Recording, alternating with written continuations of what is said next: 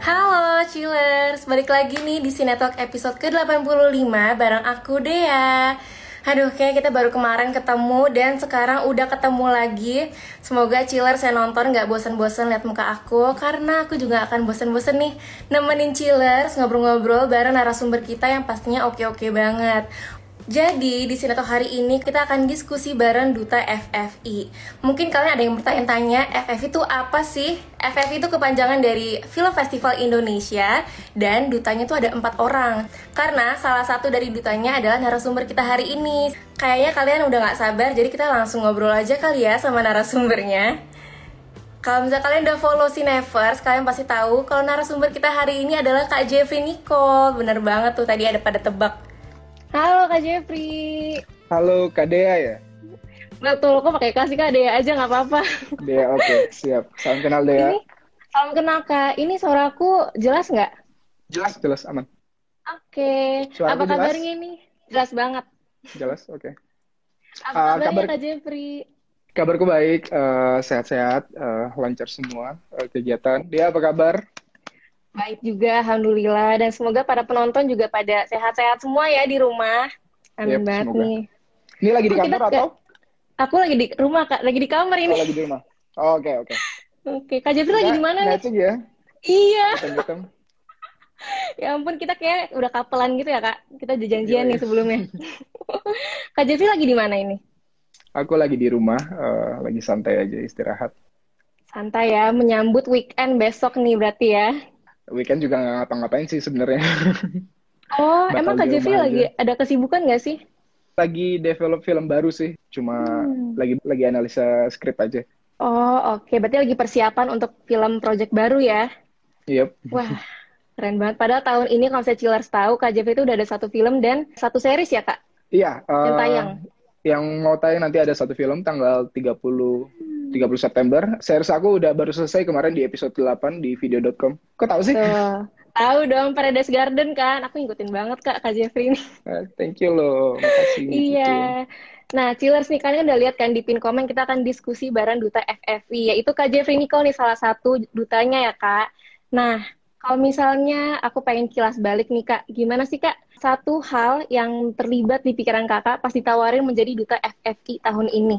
Oh, satu hal yang terlintas. Hmm. wow kaget sih kaget. Karena tahun-tahun sebelumnya aku nggak hmm. pernah ada partisipasi apa pun di FFI walaupun itu datang dong ya datang ke acaranya aku belum pernah sama hmm. sekali.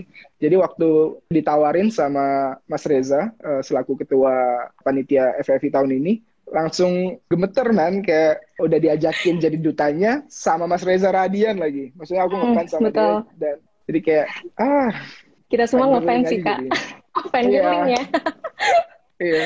Oke, berarti Kak Jeffrey sendiri ini nggak pernah ada ini nggak sih Kak? Misalnya Kak Jeffrey ini pernah nargetin, mau ah siapa tahu ntar di ke depannya akan jadi duta FFI atau sesuatu gitu, nggak pernah Kak nargetin sama sekali? Enggak sih, aku nggak pernah nargetin yang kayak gitu. Mungkin lebih ke uh, tahun depan gue harus ada genre film ini nih kayak gitu. Tapi buat oh. kayak jadi penanggung jawab di suatu acara, aku aku nggak pernah nargetin sih. Oke, berarti ini benar-benar out of nowhere dan rezeki banget nih buat kakak ya berarti. Asli, iya. Nah, itu kakak kan sendiri kan seneng banget nih ditawarin untuk jadi yeah, duta. Yeah. Ada siapa? Panggilnya Nicole aja, Nicole aja. Oh, oke okay, Nicole, Nicole. Oke, okay, siap. Yeah. Kirain mau nyapa siapa gitu kak di sini. enggak, enggak. oke, nah itu kakak tuh langsung, oke okay, sorry. Nicole nih langsung Nicole. mengiyakan okay. atau ada pertimbangan dulu nih, ada keraguan-keraguan dikit ada pertimbangan sih sebenarnya apa aja yang harus aku lakuin, kewajibannya apa aja. Hmm. Pas Mas Reza dan Mas Arya, manajernya Mas Reza jelasin tanpa pikir panjang, aku iyain karena sebenarnya tugas tugas utama dari duta FFI ini adalah mensosialisasikan, mengkampanye kalau FFI tahun ini menggait anak muda juga. Karena di tahun-tahun sebelumnya kan kayak apalagi dari sudut pandang aku, aku ngerasa FFI kayak tua banget gitu. Senior. Okay. isi isinya senior banget walaupun emang banyak aktor atau sinias-sinias muda juga tetap berpartisipasi tapi vibe-nya kurang muda gitu.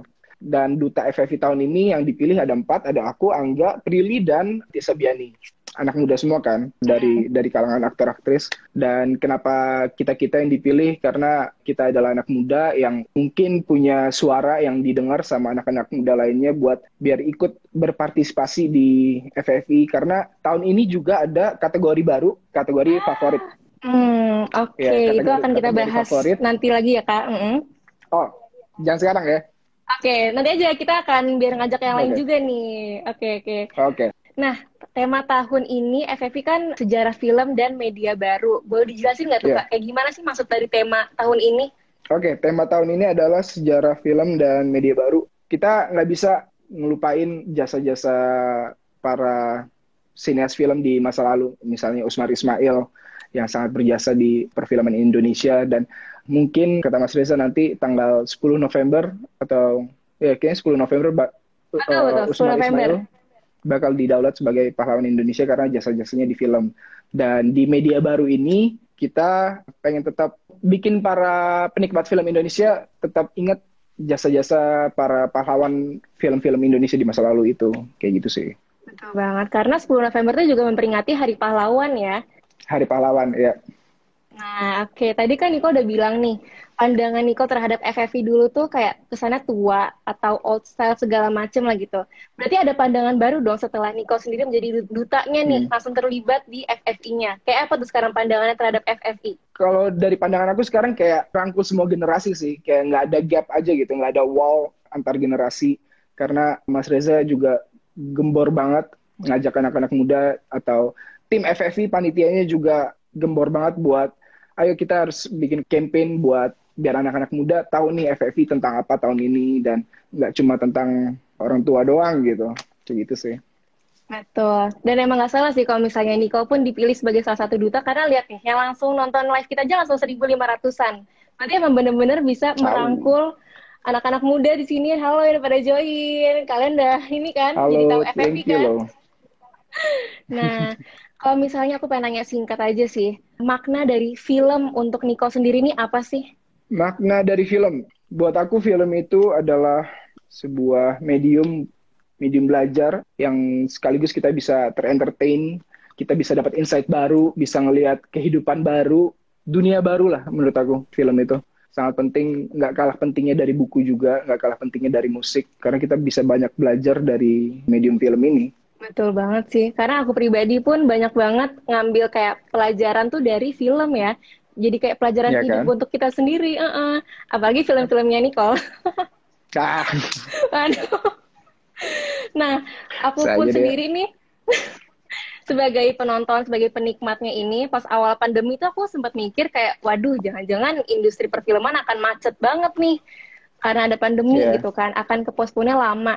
Tapi untungnya ternyata para pembuat film ini semangatnya tuh cepet banget ya bangkit dan langsung kayak kembali berkarya lagi gitu. Dan buktinya sendiri nih yep. kok langsung kayak produktif banget kan dengan segala project-projectnya dan sekarang juga ada upcoming.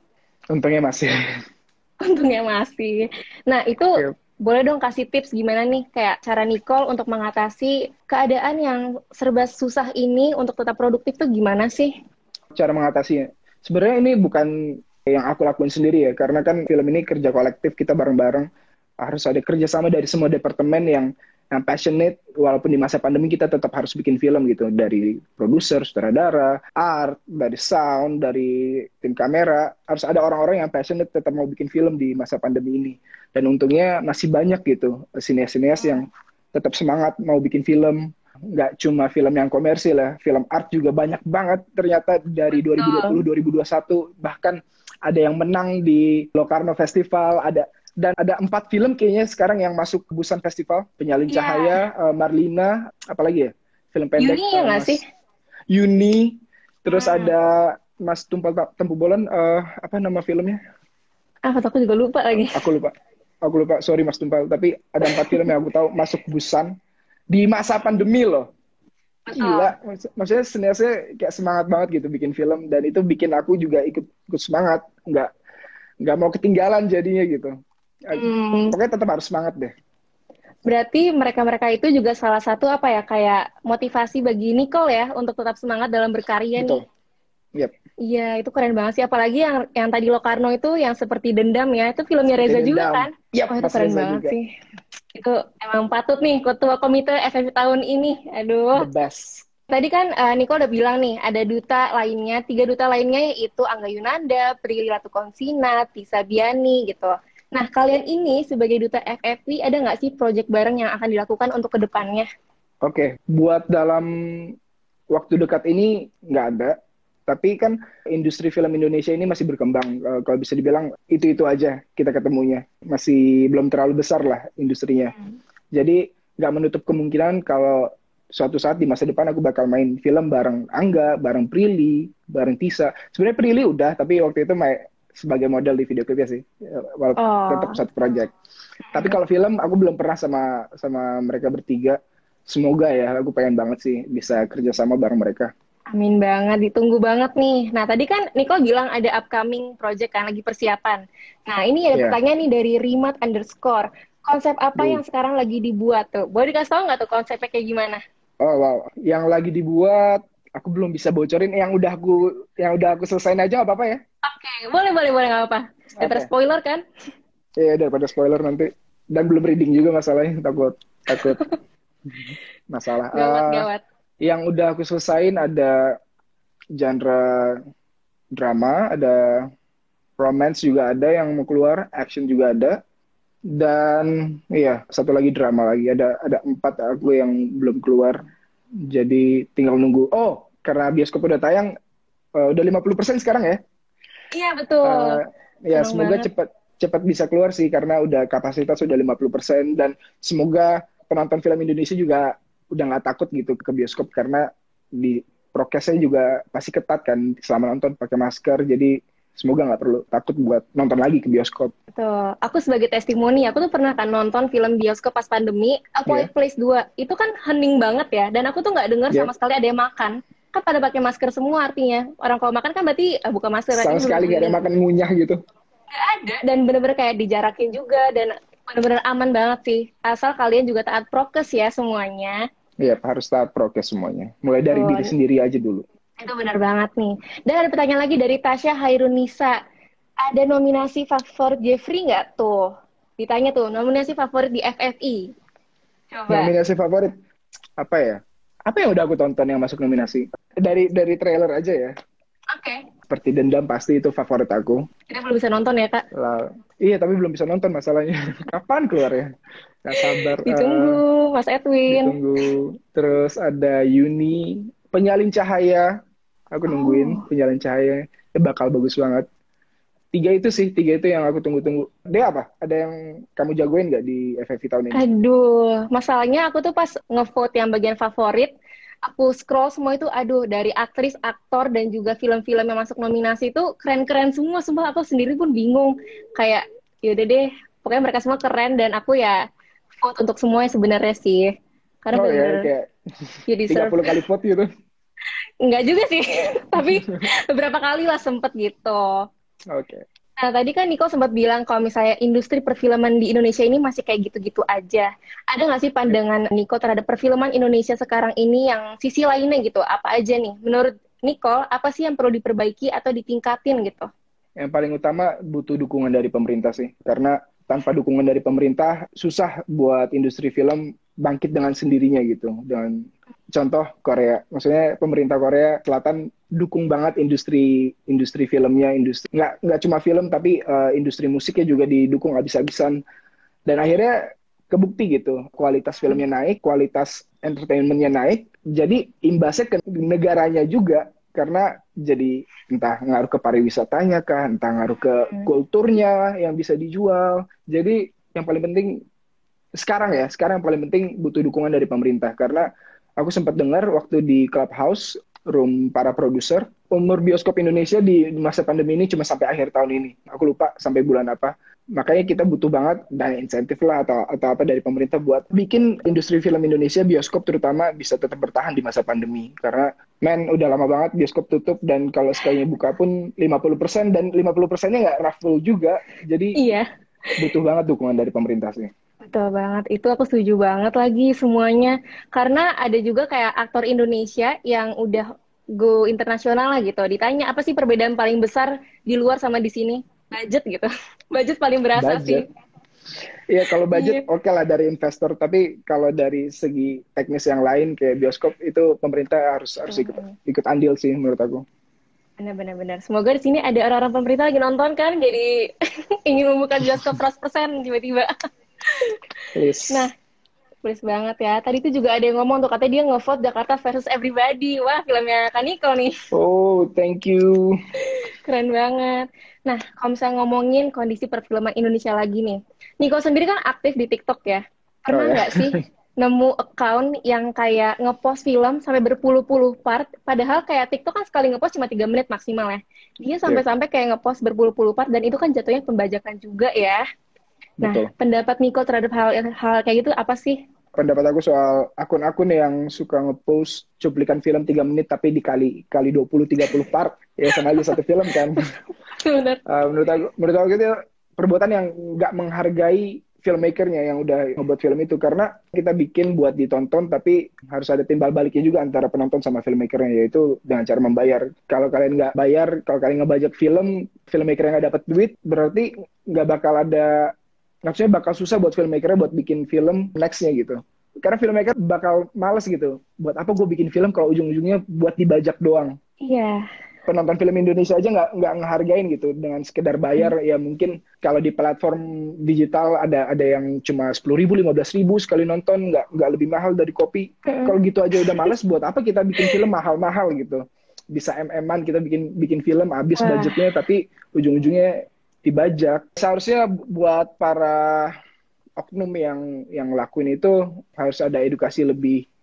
Harus nyari harus research sih soal soal perfilman Indonesia. Atau mungkin sinias film bikin bikin edukasi lah soal soal pembajakan film. Karena mungkin oknum yang ngebajak itu kurang edukasi soal film. Oh, gitu sih. Betul banget. Dan aku pun kalau misalnya aku lagi lihat kayak behind the scene sebuah film nih aku tuh kayak ikut miris gitu loh aduh mereka ini secapek itu yang ngerjainnya. Semua tim ini benar kerja kolektif yang nggak cuma satu dua orang ngerjainnya benar seabrek-abrek mereka semua put their minds and thoughts into it tapi kalian malah bajak segampang itu. Aduh agak hati juga kak yeah. ikut ngeliatnya kan. Makanya Thank kita sebagai sama-sama juga kak. Kita sebagai penonton sebagai penikmat ini juga harus bisa menghargai dan juga ikut berkontribusi untuk memajukan industri perfilman Indonesia. Nggak cuma orang-orang di balik layarnya aja ya kak. Please. Please. Dan aku juga pengen ngucapin terima kasih buat para penonton film Indonesia yang yang udah aware soal soal pembajakan, yang udah punya prinsip gak mau ngebajak film. Aku terima kasih banget kalian udah udah punya prinsip kayak gitu itu sangat membantu industri film ini. Tanpa kalian yang punya prinsip kayak gitu, mungkin industri film gak bakal berkembang mungkin. Betul banget. Dan itu bener banget tadi kata Nicole, ada yang sepuluh ribu, bahkan bukan per film, Kak. Per minggu bisa nonton sepuluh ribu doang. Itu kan udah, ya ampun, iya, apalagi udah murah sih. banget. Mm-mm, padahal kalian secapek itu, tapi nih sepuluh ribu nih. Ya udah tinggal, ya Allah guys. Tolong ya bantuannya gitu. Nah, kalau kita ngomongin karir Niko selama di dunia acting ini udah kira-kira lima tahun nggak sih? Iya, kurang lebih lima tahun deh. Oke, dan setiap tahunnya tuh nggak cuma kayak satu film doang, kayak bisa beberapa, dan kayak sekarang aja ini banyak banget gitu kan. Udah banyak banget lah film Niko.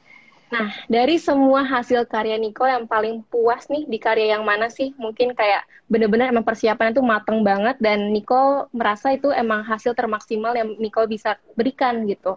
Jujur, uh, buat buat aku semuanya uh, aku puas uh, tricky tricky banget Jadi pertanyaannya. Uh, aduh. jujur semuanya puas sih. Hmm. nggak ada ada yang aku mikir seharusnya bisa di gini ini mungkin kalau di gini hmm. lebih bagus uh, karakternya. Yang paling puas ya. Sorry, Atau... aku aku mikir aku mikir sebentar ya nggak apa-apa ya. Nggak apa nggak apa tapi sebenarnya nggak pantas dipikirkan karena menurut aku Nicole ini kalau misalnya berakting tuh benar-benar totalitas dalam semua perannya gitu loh. Jadi kayak kalau misalnya dibilang puas ya pasti puas dong harusnya ya. Ya nggak sih? Thank you loh. Sama-sama. Kalau aku tuh yang aku ingat dulu tuh pernah yang buat Habibi Ainun 3 itu Kak Niko sampai masang lock screen mau di Ayunda nggak sih untuk membangun chemistry ah. antara kalian? Iya kan? Iya iya benar benar benar benar. Nah, karena itu dia. Boleh cerita tuh? sedikit ya soal itu? Boleh boleh boleh banget. Oke, jadi waktu itu waktu reading persiapan workshop buat Habibie Ainun 3, sebenarnya waktu persiapannya terbatas cuma seminggu dua minggu eh, dan ketemu Maudi nggak nyampe dua minggunya lah, nggak setiap hari. Jadi terbatas banget waktunya. Jadi aku mikir cara apa yang bisa ngambil hati Maudi gitu, biar biar kita bisa luas, bisa break the ice. Salah satunya ya harus harus caper mau nggak mau ke Maudi.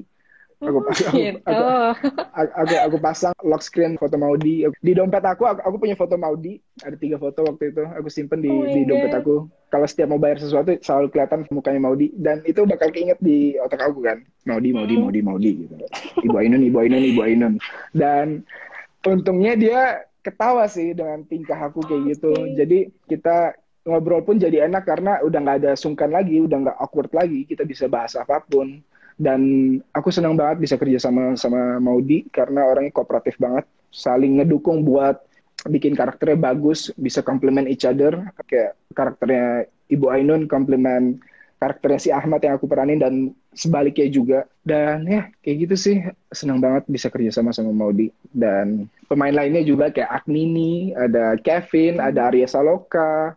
Hmm, banyak tuh. Iya, kayak itu salah satu passion project yang aku puas banget ngerjainnya dan seneng ngerjainnya. Oke, berarti itu menjadi salah satu jawaban tadi pertanyaan aku ya, Kak. Salah satu yang paling puas itu di Habibie Ainun 3 gitu ya. Iya, iya, sekalian tuh. Oke. Apa mungkin mau ditambahin ada jawaban lain? Jawaban lain kayaknya itu dulu aja deh. Oke, karena mostly puas ya. Karena emang Iya, plus. persiapannya matang banget nih. Nah, kalau kita ngomongin persiapan, apa nih persiapan mungkin yang paling ekstrim, yang paling kayak apa ya, total banget dalam film itu persiapan di film mana nih, Kak? Hmm, yang paling ekstrim, yang paling ekstrim maksudnya hmm, Mungkin paling lama persiapannya gitu atau paling ribet nih? oke. Aku inget-inget film aku dulu ya. Eh, banyak banget soalnya. enggak, enggak. Aku emang Banyak, pelupa banyak. orangnya. Oh, Mungkin ada salah satu project yang yang belum sempat syuting sih, tapi udah udah udah persiapan LSP Kal, aku jadi petinju di sana.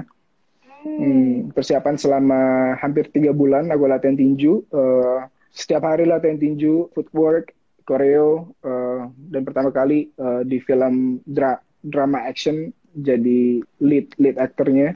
Dan itu salah satu project yang gila sih persiapannya karena jam 7 bangun latihan koreo, jam 12 boxing, sore koreo lagi, malamnya malamnya padding lagi kayak niat banget. Jadi mm-mm. Ya seru sih aku dan aku nggak ngerasa nggak ngerasa terbebani sama sekali karena itu passion project semua orang yang ada di project itu juga nikmatin banget proses kerjanya Oke, berarti juga menjadi nambah pengalaman untuk Nicole ya, kalau kayak gitu tuh. Iya Nah, Nicole kan mungkin untuk aktor muda ini udah berpengalaman banget ya. Dari lima tahun tuh nggak sebentar loh. Dan mungkin ada nggak sih pesan-pesan nih untuk para mungkin cita-citanya ingin menjadi aktor atau berkecimpung di dunia perfilman juga gitu. Mungkin bisa juga suatu hal yang kayak Nicole pengen sampaikan ke Nicole yang dulu nih pas awal masih mulai karirnya ini. Apa tuh? oke ini nggak cuma buat yang mau jadi aktor aktris ya apa pun yang ada di job desk yang ada di industri film entah sutradara entah produser entah penulis entah art atau sound yang penting jangan nyerah sih mungkin agak sedikit klise tapi itu yang paling penting jangan nyerah tetap semangat integritas itu penting banget karena ada aku pernah di satu titik aku pengen keluar karena nggak pernah dapat project selama masa-masa casting. Oh, dan setahun kemudian akhirnya dapat film pertama karena ah, man gue gua harus jalanin gitu masih gini aja nyerah baru baru casting doang gitu. Mhm. menurut aku itu itu penting banget sih integritas. Dan tetap belajar mau dari siapa pun mau yang tua mau yang lebih muda itu penting banget. Karena kalian bisa dapat insight baru dari siapa pun. Kalian bisa dapat pelajaran baru dari siapa pun di mana pun ya mungkin itu sih itu yang paling penting belajar integritas dan tetap humble tetap humble karena kalau kalian udah pasang tembok udah udah bakal susah kalian dapat pelajaran baru dari orang-orang di sekitar kalian Betul banget. Jangan pernah merasa lebih tinggi daripada orang lain ya. Karena kita pasti bisa aja ada mengambil pelajaran dari mereka gitu ya. Yap, betul, betul. Keren banget tuh. Jangan lupa dengerin tuh kata-kata Nicole tadi ya. Nah, kalau misalnya kita balik lagi ke FFI deh gitu. Apa sih harapan Nicole sebagai dutanya selain untuk kayak mensosialisasikan tentang FFI ini ke anak-anak muda, ada nggak sih kayak apa ya misi lainnya nih gitu? Hmm, Oke, selain campaign FFV tahun ini, mungkin pengen ngajak orang-orang buat berpartisipasi kali ya, karena ada kategori Kategori baru favorit. baru. Karena tanpa penonton, tanpa penikmat film Indonesia, gak bakal ada film Indonesia. Makanya uh, tahun ini dibuat kategori favorit supaya penonton film Indonesia penikmatnya bisa milih favorit mereka yang mana nih sebenarnya gitu. Nggak cuma dari penilaian juri aja itu sih. Dan ya itu paling. Nah, betul banget tuh. Berarti kita sendiri sebagai bukan orang yang berkecimpung dalam dunia filmnya, kita juga bisa jadi jurinya nih di film festival tahun Betul. ini ya. Tuh, nah, itu bagus banget sih. Keren beneran aku pun seneng banget kayak aduh akhirnya aku bisa ngevote nih bisa memberikan suara aku langsung gitu kan. Nah, hmm. coba dong Nicole jelasin nih ke teman-teman gimana nih kalau kita mau ngevote di kategori yang baru itu yaitu kategori favorit ya. Oke, okay. kalian bisa datang ke websitenya uh, festivalfilm.id. Di situ nanti kalian nemuin cara ngevote-nya, udah dijabarin di websitenya, dan kalian bisa milih langsung film favorit atau aktor-aktris favorit kalian siapa, dan yang udah nonton ya. Harus harus objektif juga nih milihnya nih. Iya dan ya kayak gitu sih. Segampang itu. Nggak nggak nggak susah. Bener tuh gampang banget. Kalian bisa bisa nonton live ini langsung ngevote ya. Siapa tahu dia mau ngevote. Jeffrey Nicole langsung kan? Mau Kak Jeffrey Nicole menang harus langsung ngevote sendiri gitu. Thank you. Nah tadi ada yang nanya lagi nih. Ada nggak sih makna dari Nicole sendiri terhadap film festival tuh apa sih? Atau hmm. festival film nih maksudnya?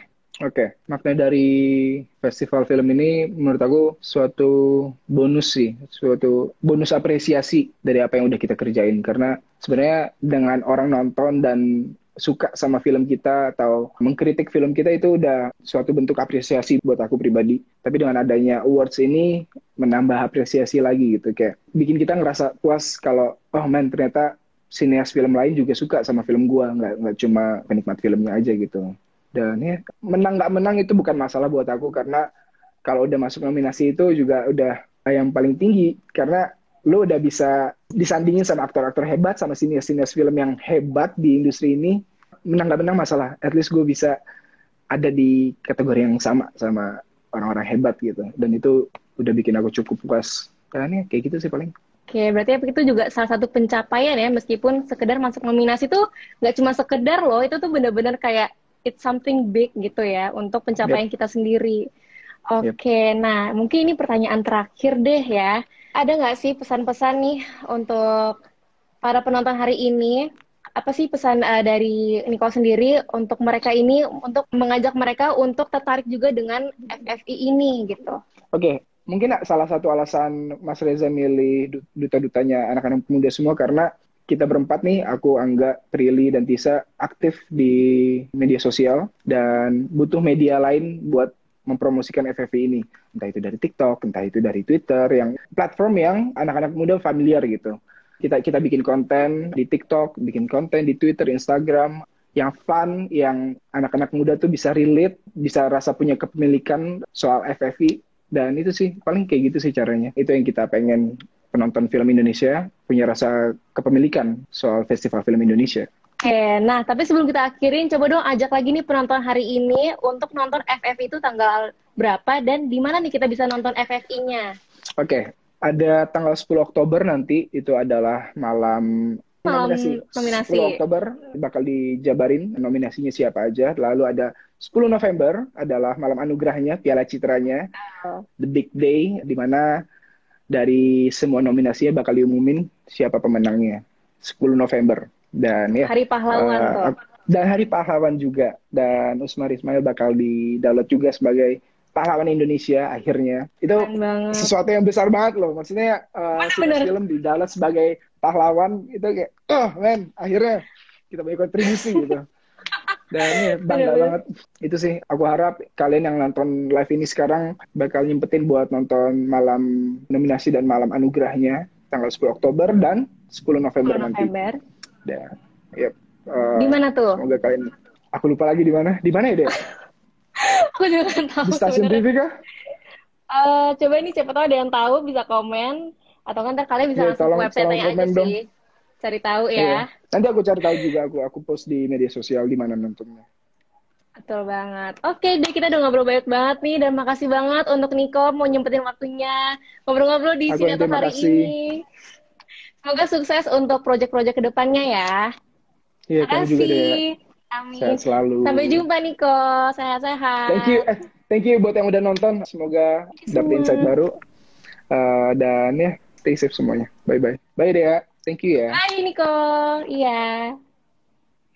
Tuh, di stay stay fin sama Jeffrey Nicole langsung tuh. Berarti kalian juga harus jaga prokes ya. Udah dibilangin langsung tuh sama Jeffrey Nicole. Nah, tadi kan kita udah ngobrol seputar FFI dan juga dunia perfilman di Indonesia. Oke deh, sekian dulu dari aku. Kalian semua inget-inget lagi, jaga prokes dan selalu sehat ya semuanya. Sampai jumpa. Dadah.